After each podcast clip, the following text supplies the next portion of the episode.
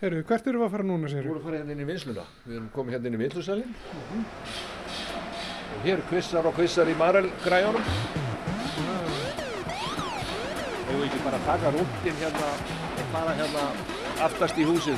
Fara, fara sömulegu fiskurinn. Já, við spilum. Kerfið, afnót af auðlind í eigu þjóðar, annar þáttur, hagræðing. Til þess að sína er sko staðsetninguna. Hér eru við bara stattir á við kajan sko. Húsið er hérna bara við kajan og stutt og ódýrt að landa fiski. Já, já, já. Og Ég sé að þeir eru búin að undirbúa komu bátsins okkar, hann er greinilega að koma hérna. Hvenær kemur hann? Hann kemur bara núna á eftir, ég, ég getur nú bara að sé það. Hvað fara þess nefn út? Þeir fóru tíu gerkvöldi. Reynar Gunnarsson. Já, Einar Gunnarsson. Já, hann er að ljúka við að draga línuna sem hann lagði sko í gær. Já, já. Já, og sjáum þetta bara í appinu hérna. Já, já, þetta er bara í appinu. Já, Það er allt, í app, allt, allt orðið í appi maður. En hér er þetta svona, hér er slæður fiskur nánast á hverju kvöldi og, og, og hausaður og flokkaður. Hérna á þessu svæði er rauninni tekin ákvörðum það hvað þú gerir við fiskinn. Það er að segja, við flokkum hann í ákveðna stærðir og, og þessi stærð fyrir þetta og þessi stærð fyrir hitt. Þannig að hér, hér er ákvörðunin tekin. Af því að það er svona, fólk vil fá að vita hvaðan fiskurinn kemur og allt svoleið sko. Og þá, e, þú, þú ert að kaupa fisk á ákveðnum bát og þá fer það bara hér inn í tölvukerfið og, og svo er það bara mert og það fylgir bara fiskinum í gegnum vinsluna. Þannig að ég get sagt þér að ef þú kaupir að með nakka einhver staðar á morgun, þá get ég sagt þér að hvaða bát á það. Og klukkan hvað það veitur. Þannig ég get gett mér nakka eitthvað staðar bara í bandaríkjónum eða eitthvað staðar þar sem að þið, þangað sem þið seljið eitthvað fisk. Það fær þetta rekjan bara Já. alveg bara alla, alla Ég leið. get sagt þér hver pakkaði kassan inn í vinslunni.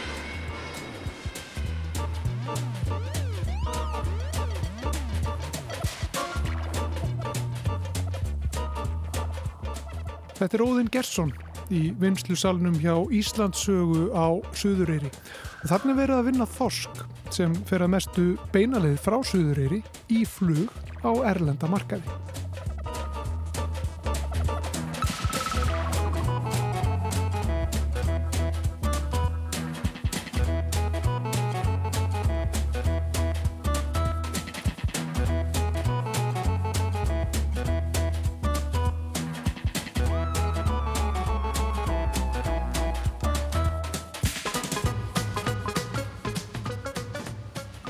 Að hlusta á annan þátt kerfisins þar sem við skoðum hinnar mörgu hliðar kvotakerfisins og spjöllum við fólk hér og þar í kerfinu.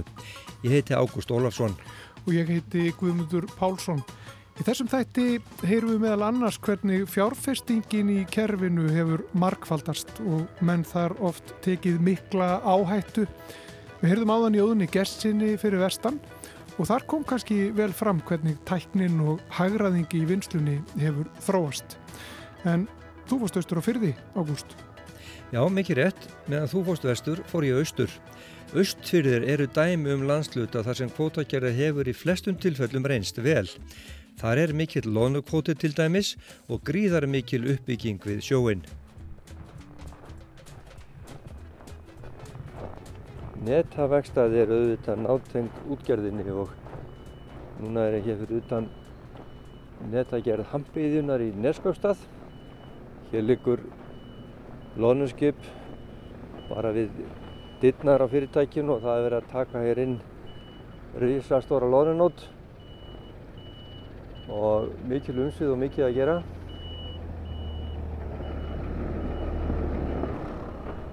Ég ætla að kíkja hérna inn og hitta hann Huga Árbjörnsson sem að er yfirvegstjóri hér yfir netagerðinni og aðeins að herra hljóðið mönnum.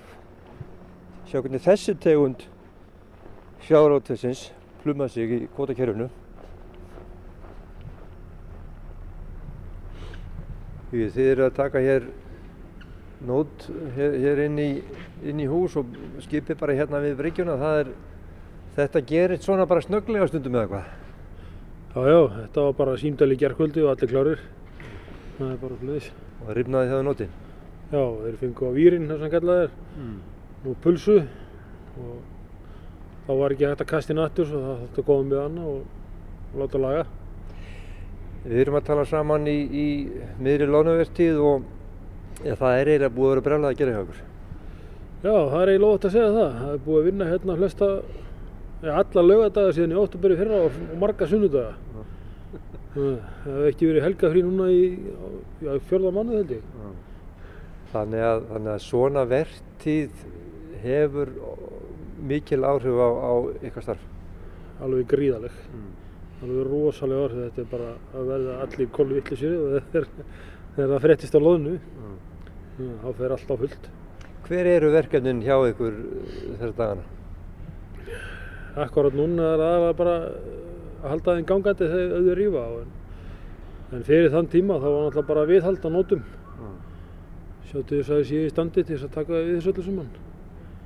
Þetta er engin smá átaka, það er verið að taka upp undir 800.000 tonn í kasti. Mm. En þessi rekstur svona annars þegar að, já kannski er rólegur á sjónum? Það er aldrei rólegt á sjónum.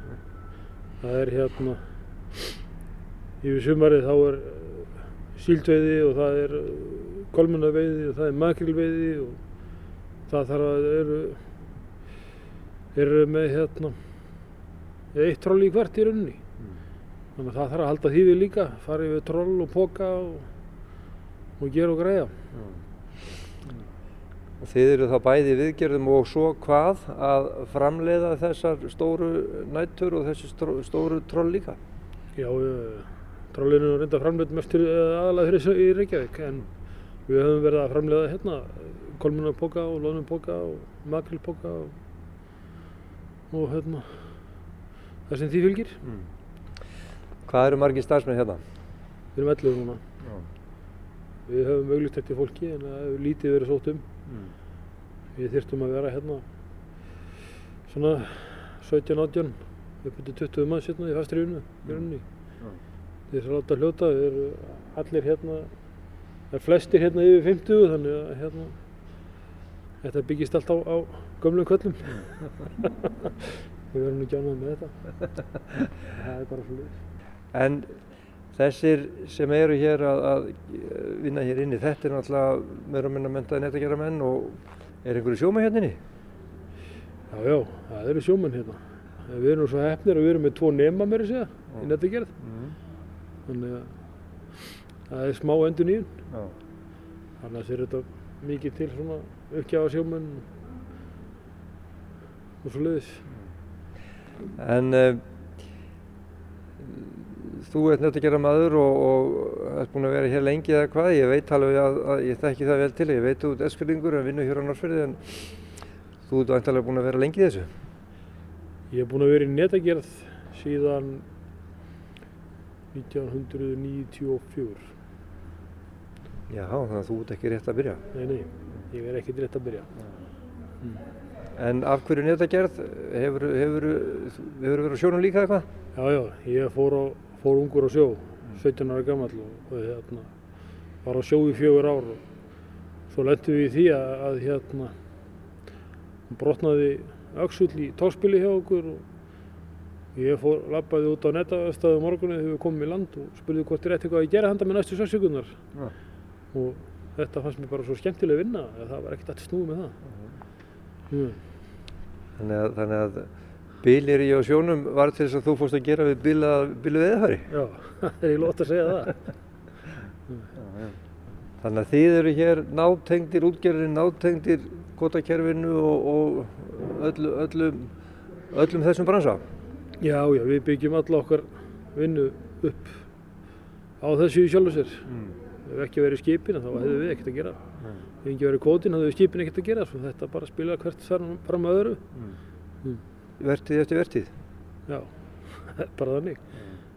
En eh, við erum að fjalla um kvotan og, og, og veiðina og annað að hérna, það getur engin sótt sinn kvota eða sinn fisk nema hafa veðafærin. Nei, nei, það er bara svoleiðis. Þú veiðir ekki í það sem er ekki til verða að halda þessu öllu saman gangandi.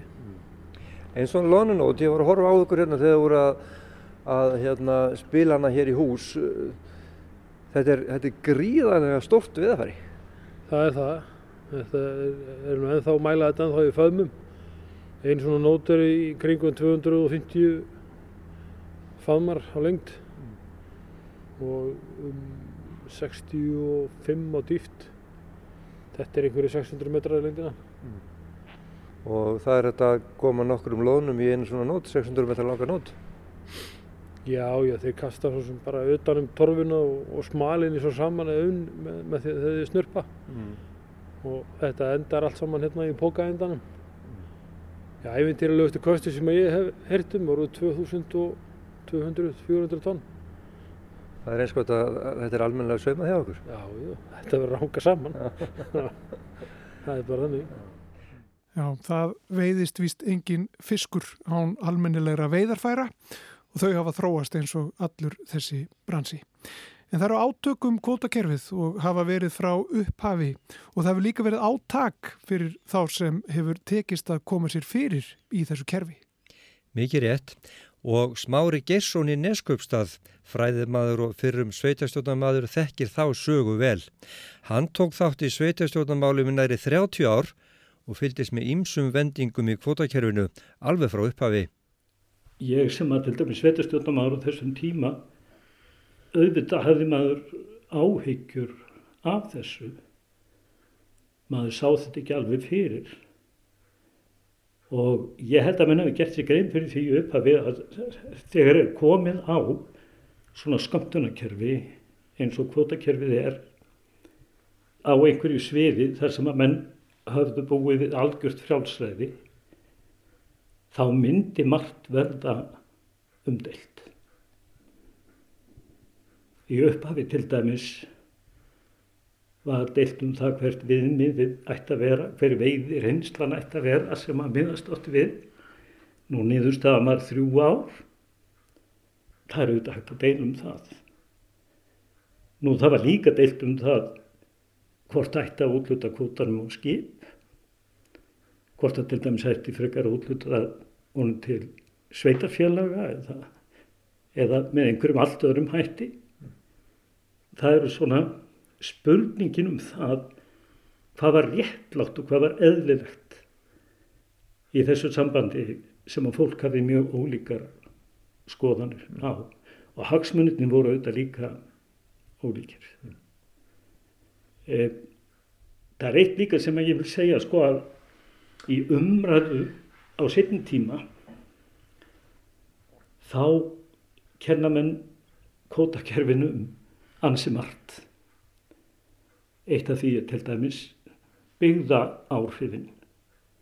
Menn tala um það að kvótakerfið hafi orsakað byggðaraskun og það má til sannsfæða færa en menn mega hins vegar ekki gleyma því sko að áður en kvótakerfið kom til þá gerðist margt í sjávarútvegi sem orsakaði byggðaraskun eða hafði áhrif á byggð. Stundum komu afla áf og þá eldust sjáabyrðirnar. Stundum aflaðist illa og þá voru erfileikar og, og samdráttur. Það er svo margt í sjávarúti sem að getur og hefur orsakað breytingar á byggð. Mm. Það er alveg hlust. Þú segir sjálfur hafa verið kannski efins sem sveitstjórnamaður og, og ég heyri það að sveitastjórnamenn þeir svona uh, hugsuðu málið og horfið við sviðið og, og, og voru kannski býna hrættið við að, að menn myndi stökka á þetta kerfi en, en um, hvernig var til dæmis pólitíkin? Hvað sögðu þingmenn og svona hvernig unnu þeir með já, ykkur sveitastjórnamönnunum eða þá bara með útgerðinu heima? Ég held að það hafi allir gert sig grein fyrir því að það varð að koma á einhvers konar skömmtunarkerfi varðandi veðarnar. Mm. Uh, með voru nöðbegðir til þess. Þeir sem að fylgdust með útgerð og fylgdust með fiskvinnslunni að þeir sáu þetta í, í hendi sér. Ég hef aldrei heyrt um skömmtunarkerfi sem að hefur verið komið á varðandi eitthvað sem að hefur einkennst af fullkomnu frelsi sem að hefur síðan verið óumdelt. Mm. Það eru alltaf ákveðna forsendur sem enn þurfa að byggja á og það er hljóta í eðli sínu að vera umdeildar. Mm. Og það sem mér þykir verst á undanfennum árum hefur mér fundist öll umræða um kvótakerfið verður svo vanstilt. Menn byrðast ekki geta sest niður og rætt um kostikerfisins og síðan þá e, farið yfir þá þætti sem að menn gaggrina við kerfið, rólega og yfirvega. Það vilist ekki vera hægt. Eh, umræða til dæmis á alþingi um þetta er nú ekki alþingi til sóma, finnst mér. Og þetta var nú líka þegar að var verið að koma þessu á og, og það voru háværar umræður og það var mikið gaggrín og mikið lætið þannig að það hefur kannski fyllt kvotakjörn alltaf tíð. Já og til að byrja með sko þá fannst manni að sumir hefði ekki trú á því að þetta kerfi myndi lifa. Og mann hegduðu sér í samræmi við það. Menn tók ekki tillit til ákvæða kerfisins. Ég held að það hefði til dæmis verið afskaplega gott að fórustu menn svona öflugustu sjávortisfyrirtækjan hér fyrir austan þeir virtust mjög fljótlega taka þá línu að kvótakerfið væri eitthvað sem yrði viðvarandi og það þýrt að skipulegja veðarnar og skipulegja vinsluna með tilliti til þess kerfis. Mm. Þetta held ég að hafi verið gæfa. Síðan auðvitað, sko varðandi þá þætti sem eru umdildir, þeir eru svo fjölmarkir. Við bara skulum nefna byggðarkvotan, svo dæmis ég tekið. Hver mikill á hann að vera og hvernig ná útlutunum. Nú, við skulum bara taka strandveiðikerfið sem ekki er rætt um núna. Veiðigjöldin þetta. Hver há eiga þau að vera? Og hvernig ná að tryggja það að það sé greitt fyrir kvotan meðlum hætti. Og svo framvegis og svo framvegis. Það er svo margt í þessu sem að hægt er að ræða og hægt að hafa mjög fjölbreytilega skoðanir á. Mm. Og eðlilega þá held ég að skoðanir manna mótist svolítið af aðstæðum. Ef þú til dæmis kemur úr byggðalagi, þar sem er stert fyrirtæki sem að hefur uh, um, sko umgengist kvotareglurnar með þeim hætti að það hefur elst að þá er afstæðuvindig bótakjörfisins óneitanlega mildari en ef þú til dæmis ert í byggðalagi sem að þar sem að talið er að menn hafi farið halloka út úr þessu kerfi. Það er ekkit óskilega. Það er vel gætt að kælingunni og við reynum að hafa fiskinn kældan eins lengi og hægt er þannig að hann sé kannski ekki orðið meira svona 2-2,5 gráða þegar hann er, er, er náttúrulega pakkað í kassan sko. Hann er svona 0 og mínus hálf gráða hérna frammi og svo hittnar hann hérna öllítið á leiðinni og er kannski komin í 2,5 gráðu þegar hann kemur í kassan og svo fer hann strax í kælingu aftur. Óðun Gesson á Suðureyri er þarna að segja okkur aðeins meira frá vinslunni hjá Íslandssögu fyrir vestan en umsviðun í kringum sjávarútvegin fyrir austan einskorast ekki við útgerð og vinslu. Það er nefnilega brjálað að gera í sjóppunni á Eskifyrði. Heldur betur. Ég kíkti einmitt þangað og spjallaði við Einar Björnsson og Guðbjörgu Kristinsdóttur sem standa vaktina þar alla daga.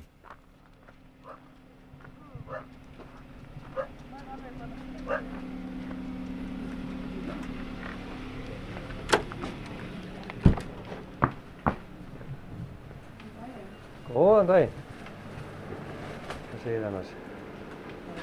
Það er alveg að gera.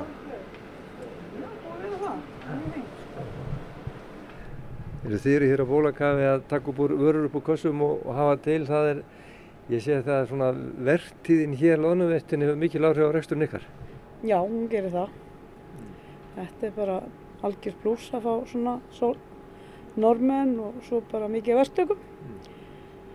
Það er bara, Já, það er, það er náttúrulega verið að vinna hér fyrir fyrirtækinu, þá komum við mátt hinga. já, ég er alltaf með heita mati í hátteginu og svo bara alltaf grilli í bóði. Og þú sér að normenn komi líka. Þeir náttúrulega, til að útskýra það, þá eru norsk loðnurskip hér í höfnum. Já, þeir eru búin að vera mikið hérna sko. Það er mikið pluss. En hvernig er þetta svona, eh, svona utan við þann tíma? Er, finnið það, er til dæmis loðnuvertíðin, er þetta stærsti tímun eða er það einhver annar tími? Nei, loðnuvertíðin og já, það er það. Við erum að elda í bræðsluna og, og þá er bæði þegar kolminnir og loðunan og, og þegar það gengur þá er bara alltaf fullu hér elda. Já, þannig þið eru, þið eru svona nokkuð með mötunuti líka. Já, já, það er eldað í hátinn og kvöldin fyrir báða vaktir. Er einar, það, er svolítið merkilegt að þið, þið byrjuðuð á sjómandi. Já, það við tókum við á förstu degi fyrir sjómandarshelgi og það var eiginlega bara orðsins fyrstu að stökku í djúbulauðinu. Sko. Og það eru langt síðan.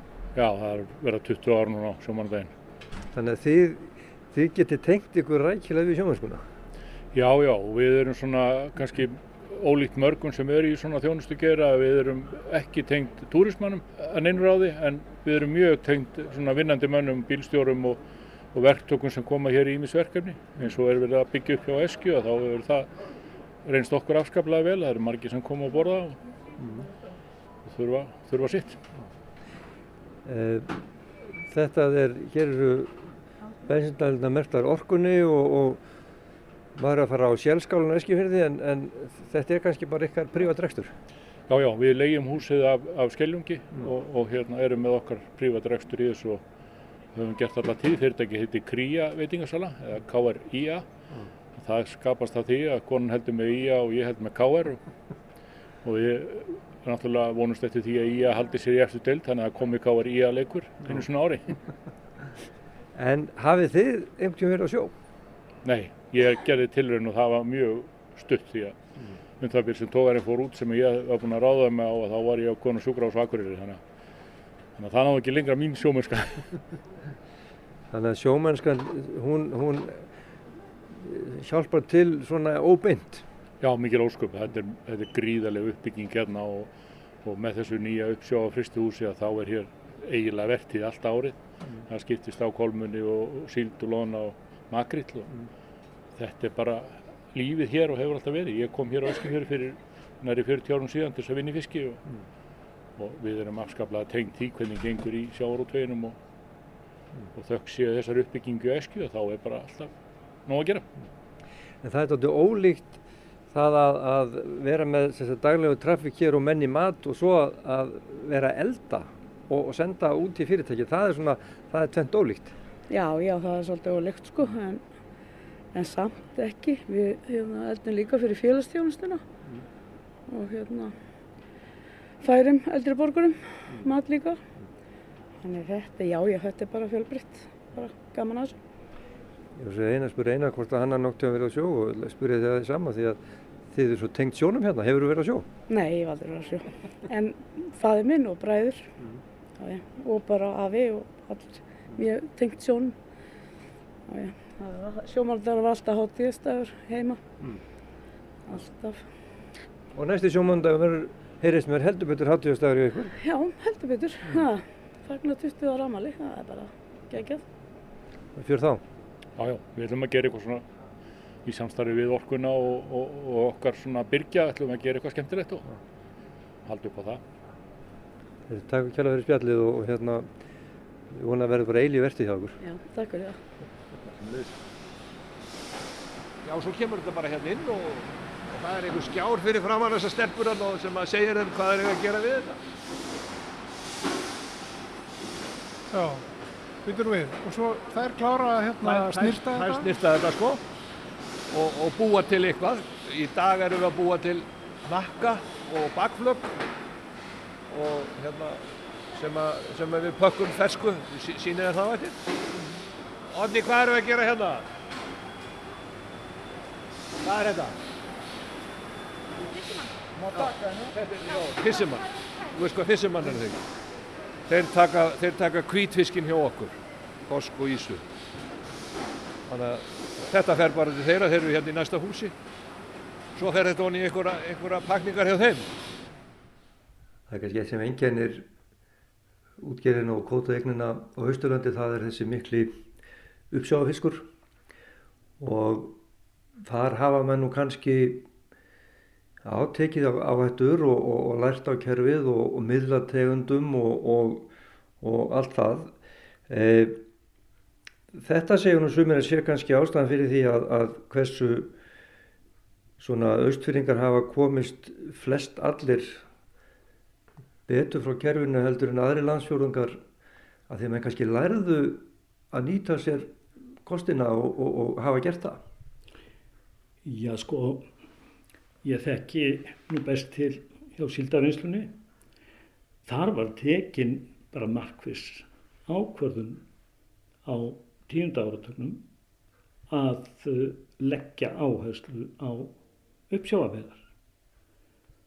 Og menn lögðu kapp á það að auka hlutild sína í kvota uppsjáafiska og til þess að fjármagna það þá jafnvel seldum en bólfiskvota. Það má líka segja að þetta hefði gengið afskaplega veru vegna þess að norsk-íslenska síldin fór að veiðast í auknum mæli hér í næsta nákrenni. Makrillin gengur inn í íslenska lagsókum og svo frammeins og svo frammeins. Þannig að þessi fyrirtæki þau hafa komið vel út úr þessu. En þegar þau til dæmis fóru að byggja upp sína aðstöðu eins og til dæmis bara síldarvinslan þegar það byggir upp sitt uppsjáarfiskiðu verð þá var það áhættuverkefni. Það lág ekkert ljóst fyrir á þeim tíma að þetta myndi skila jafn miklu og það gerði þegar upp var staðið. En menn sem sagt horfðu á þetta kerfi og horfðu á þú möguleika sem það gefur og stemdu að því að efla sig á þessu sviði og kerfið gerði það mögulegt. Það eru dæmið um það við um land sem að menn trúði ekki á þetta kerfi og, og með þess að tala um að, að sumstarfað pólitíkinn hvartmenn til þess að það er ekkert að elda þetta of mikið því þetta væri ekkert komið til að vera en einhvern veginn einhver ástæði fyrir að menn, menn fóru aðra leðir hér. Já, ég, menn trúðu því upphafi að þetta kerfi væri nöðsynlegt þrátt fyrir það ymsir þættir í því væru umdeilanlegir. Eh, þessar frum fórsendur að venda fiskistofna og auka hagkvæmi útgerðar. Þetta var það brínasta sem þurfti að gerast í íslensku sjávarúti. Það viljum svo til að þú ert hér með þykka bunga sögu fáskósjörðar á borðinni og, og ert að vinna í henni á samt, leirum. Þar er eh, öflug og rótgróin útgerð. Þar eins og víðar þurftum við heldur betur að taka áhættur eins og kemur fram hér í þessari sögu. Já, já, menn þurfti að gera það e, ágættist dæminn til dæmis á tíunda áratögnum þegar að mannum var það ljóst að bólfiskvótin var ekki næjarlegur til þess að skinsamlegt væri að gera út tvo tógara eins og gert var á þeim tíma. Að þá taka menn þá ákverðun að selja annan tógaran og færa þann kvóta sem honum var yfir og þann sem eftir er fyrir byggðalagi var þetta opbóðslega sátt. En hins vegar rekstralega síðan var þetta mjög skinsamlegt og eftir á að hyggja þá var þetta það eina sem við var í með af stöðuna. Svona hegðuðu menn sér, til dæmis á páskosverði og ég held að almennt séð varðandi þessi öflugu sjávarútisfyrirtæki á Östurlandi þá hafi stjórnarhættin verið með þessum hætti. Nú veit ég að það er langt sem að þú hættir að vasast í sveitistjórnumálum og, og, og var svona lengi formað samtaka sveitafélagi hérna fyrir austan og, og horfið víða um en svona staðan í dag það virðist svona almennt vera stöndu útgerð á mun færri höndum vantarlega en, en fyrir 30 árum síðan og, og það eru spábátar eru mikilvægir fyrir byðamálun á smæri stöðum og annað en uh, eru austfyrringar að, að núna njóta góðs af því að, að taka réttar ákvarðinu fyrir 30 árum síðan? Ég held að megi alveg færa rauk fyrir því. Mm. Auðvitað er þetta svolítið staðbundið hvernig menn líta þessi mál. Aðstæður eru breytilegar. Og það er auðvitað líka staðrind að áður en kvótakerfin kom til það voru útgerðir misjaflega öflugar á minnstug stöðum. Og þær voru kannski e, misjaflega tilbúnar til þess að taka við þessu nýja kerfi sem sett var á. Mm. og það er örglega þannig að, að íbúar hérna ymsu byggðarlaga eh, hafa svona mismunandi sín á þetta kerfi. En ég held að ef við horfum yfir Östurland heldstætt að þá sé það landsluti sem hafi komið tiltölulega vel út úr kvotakerfinu. Og við erum með nokkur mjög öflug fyrirtæki sem að hafa unnið með þessu kerfi nánast frá upphafi og þessi fyrirtæki er í reyndinni grundvöllur heitla byggðala mm. og e, atvinnulíf á Ísturlandi grundvallast að stórum hluta til á þessum fyrirtækjum. Mm. Já, lífið er fiskur, er stundum sagt saltfiskur reyndar, en eh, fiskurinn er ímist saltaður, fristur eða þurkaður og fiskur úr einum vinslusal á Íslandi getur farið á diskinni og fólki um allan heim. Þetta er fyrir hérna tempraða fiskin. Þetta er fyrir tempura, á, það er nú sér ráðum í það.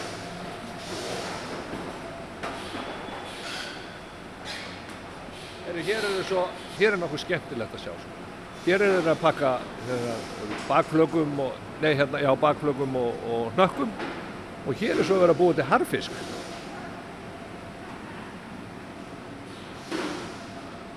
Já, býtur nú hægur. Sko, og það eru flög sem er rafa hérna á grindur sem, og hvað svo? Svo flytjum við þessa grindur inn í Súðavík og þurkum þar. Við erum með verkun þar líka, harfiskverkun.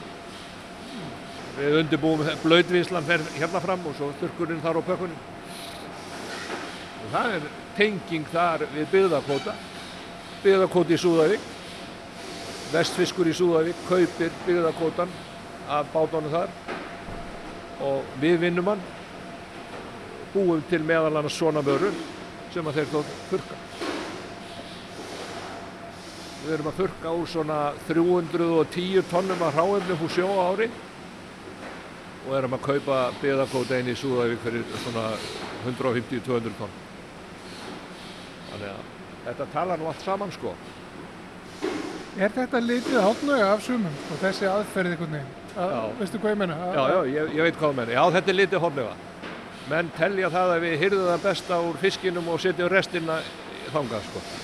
En auðvitað er það þannig að öllum fyrst á Íslandi fyrst harfisku dýr, það borgar auð 14-15.000 kall fyrir kílóðu út úr búði í, í hérna hagkaup eða, eða nettó eða grónun eða hvað sem það er. En það er bara, ef þú tekur eitt fisk upp úr sjónum sem er 1 kíló, þá er það 80 gram af því harfiskur þegar þú ert búinn að þurka það. Skilur þau? 20% af flaginu verður harfiskur. 1 kíló 200 gram skilur við þannig að það, það er fimm sinnum sko. Og svo þarf að pakka því og það vilja allir fá þetta í pínu litlum umbúðum. 100 grömm, 200 grömm. Þetta kostar allt. Og eins og launa þróun hefur verið á Íslandi undanfærin ár þar sem við erum búin að hækka laun meira heldur sem nefnum verðmættasköpunni þá getur farið illa sérstaklega fyrir svona litlum fyrirtækjum sem að eru tiltölulega mannfreg því að það er ekki til ennþá held ég vélpökkun á harfiski hún er ekki til enda þeir þurfu líka þá svo mikið magna pakka sko. Kanski er þetta búið til eina pökkunastöð fyrir harfisk á Íslandi, ég veit það ekki. Það er aðeing. Þetta verður harfiskur.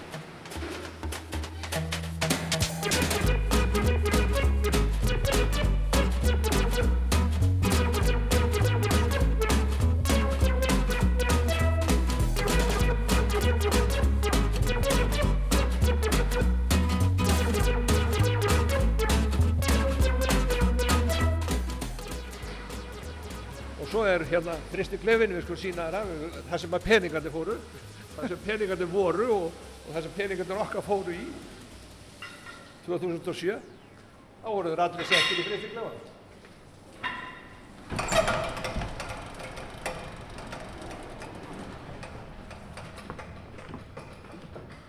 Hér er meðal annars geimdar vörur frá Fissermann síg þeir hafa aðstöðu hér. Hvað er þetta hér? Salmon Pieces. Já Sko, hérna erum við inn í fristiklefanum. Þetta er stór, mjög stór fristiklefi. Já. Uh, sko, hér er bakkað upp í loft Já. og mikið geimt. Sko, því þú myndist nú á, hér eru peningarnir geimtir. Já. Það er fræg sena náttúrulega í, í verbúðinni sem að vakti miklu aðtegli. Já. Þá voru geimtar sko ferðartöskur með peningum inn í fristiklefinni. Já. En þú segir mér að, að, að hér séu peningarnir geimtir? Já, já, hér, hér eru hérna byrðirnar okkar sko, sem að fari kannski ekki alveg strax í útlending og, en það sem ég átti kannski við með því var það að árið 2007 þá endur nýju við fristiklefan og allir okkar peningar fóru í þetta. Þannig að ég hef sagt það peningarnir okkar eru í fristiklefan það er alveg klart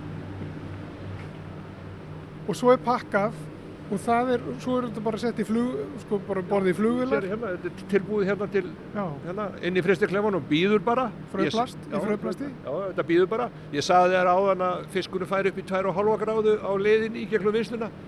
Og svo fer hann kannski niður aftur hérna inni á næstu klukkutími þannig að bílinn kemur klukkan fjögur og keirir söður í Keflavík. Og hvenær er þetta komið bara á diskin hjá einhverjum, segjum í bandaríkjum? Herru, burt frá fjö, mér klukkan fjögur, í Keflavík klukkan fjögur í nótt og þá Evrópa, Bandaríkin. Þetta fer vantarlega sjöði fyrramálið, myndi ég halda, og er það ekki einhvern tímann eftir hátti á morgun, eftir sólaring. Svo þarf að dreifa þessu þar. Óðinn, ertu moldríkur? Nei, ekki af peningum. En ég á flotta fjölskyldu, ég á fullt af vinum, ég er með frábært starfsfólk, þannig að ég er ekki moldríkur af peningum ef, ef að það er mælikvarði, en ég er moldríkur af hinu. En það er að minnst það sem mér finnst, sko. En þá, Hvað séru? er það bara, þú ert, þú ert hérna, ekki moldríkur af peningum, en þá? Nei, það er mjög málið, sko. Það er líka allir sem eiga hlutabref sem að segjast eiga svona og þetta hitt mikið, sko. Já, ok. Ef þeir selja, þá geta þeir. En ef þeir selja ekki, þá er ekkert skeð. Já. En þú, þetta, þetta var nú kannski óþverra spurning hjá þeir, sko.